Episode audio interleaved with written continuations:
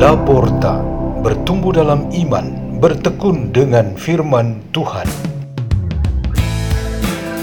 Radio Laporta, pintu terbuka bagimu untuk pertumbuhan pengetahuan dan kebijaksanaan tentang Allah.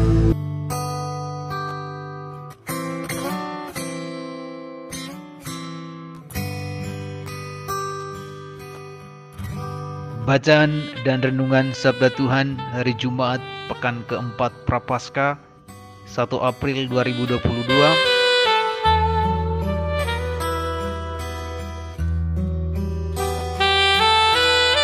Dibawakan oleh Yohanes Haring dan Mena Rumondang dari Sekolah Saint Peter di Paroki Kelapa Gading, Kuskupan Agung Jakarta.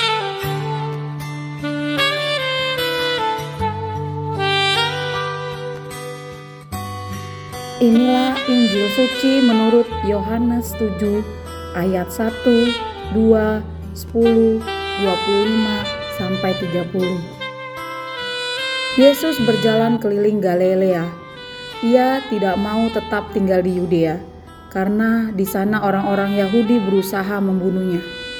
Ketika itu sudah dekat hari raya orang Yahudi yaitu hari raya Pondok Daun. Sesudah saudara-saudara Yesus berangkat ke pesta itu, ia pun pergi juga ke sana. Tidak terang-terangan, tetapi diam-diam.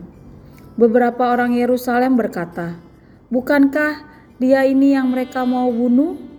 Lihatlah, ia berbicara dengan leluasa, dan mereka tidak mengatakan apa-apa kepadanya.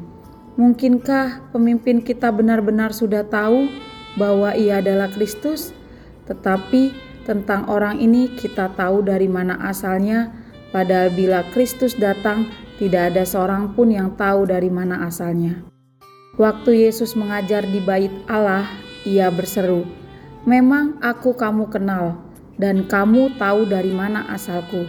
Namun aku datang bukan atas kehendakku sendiri, tetapi diutus oleh Dia yang benar, yang tidak kamu kenal. Aku kenal Dia." Sebab aku datang dari Dia, dan Dialah yang mengutus aku.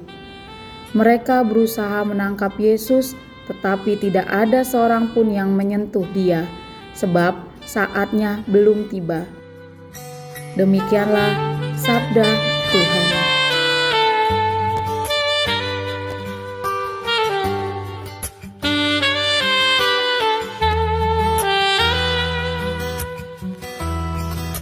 Tema renungan kita pada hari ini ialah saatnya belum tiba. Tidak lama lagi kita akan merayakan Pekan Suci. Peristiwa sengsara dan wafatnya Yesus Kristus merupakan pengalaman puncak penderitaannya. Antisipasi perayaan besar ini kita jumpai pada hari-hari menjelangnya, termasuk pada hari ini. Bentuk antisipasi itu ialah aneka kesulitan sebagai perlawanan terhadap Yesus. Ancaman terhadap dirinya benar-benar nyata, langsung dan pasti. Ia berada di ambang penganiayaan. Jauh sebelum pengalaman nyata Yesus Kristus itu, kitab kebijaksanaan telah menggambarkan penganiayaan ini.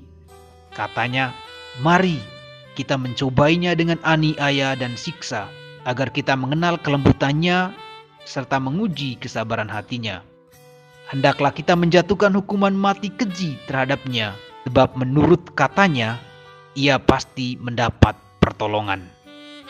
Injil Yohanes yang baru saja kita dengar memperkuat gambaran ambang penganiayaan itu dengan menyebut orang-orang Farisi berusaha menangkap Yesus, tetapi tidak ada seorang pun yang menyentuh dia, sebab saatnya belum tiba. Saatnya yang belum tiba tergantung sepeduhnya pada penyelenggaran Allah. Hari Kamis malam dan Jumat Agung belum tiba.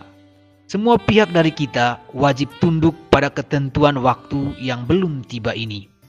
Semuanya harus menghormati aspek penting seperti apa berada dalam ambang penganiayaan Yesus Kristus. Meski gelombang amarah, iri hati, benci, dan kekerasan tampaknya tak terbendung, mereka wajib menahan diri. Meski gelombang itu amat kuat, Tuhan belum mengizinkan terjadi. Seperti apa kita memaknai saatnya Tuhan belum tiba? Pertama-tama, kita memaknainya dengan mengakui dan menerimanya. Kita menerima kenyataan dan mengimani sebagai bentuk pemenuhan kehendak Bapa dari pihak Yesus dan sebagai isi iman kita. Di dalam doa aku percaya kita ungkapkan iman kita dengan menyebutkan yang menderita sengsara dalam pemerintahan Pontius Pilatus, disalibkan, wafat, dan dimakamkan. Mengamini ini berarti juga kita menyanggupi ajaran dan undangan Tuhan untuk mengikuti Dia dalam setiap ambang penganiayaan yang kita hadapi di dalam hidup kita. Kita memaknai ini juga dengan tak gentar untuk tetap mempertahankan kebenaran dan kebaikan sebagai tanda keperpihakan kita kepada Tuhan. Biasanya, Godaan bagi mereka yang berada dalam situasi ambang derita dan penganiayaan ialah takut atau menyerah dan tunduk kepada pihak penganiaya. Biar penganiaya ingin cepat eksekusinya, kita tidak boleh menyerah kepada kehendaknya. Pengikut Kristus yang otentik tidak tunduk seperti ini. Di ambang tersebut kita berani berseru, kerelaan ini adalah demi Tuhan Yesus Kristus. Marilah kita berdoa. Dalam nama Bapa dan Putra dan Roh Kudus. Bapa di surga, kuata, kuatkanlah kami selalu, khususnya ketika kami berada di tengah penderitaan dan penganiayaan, supaya kami tetap berpihak kepadamu saja. Bapa kami yang ada di surga, dimuliakanlah namamu, datanglah kerajaanmu, jadilah kehendakmu di atas bumi seperti di dalam surga.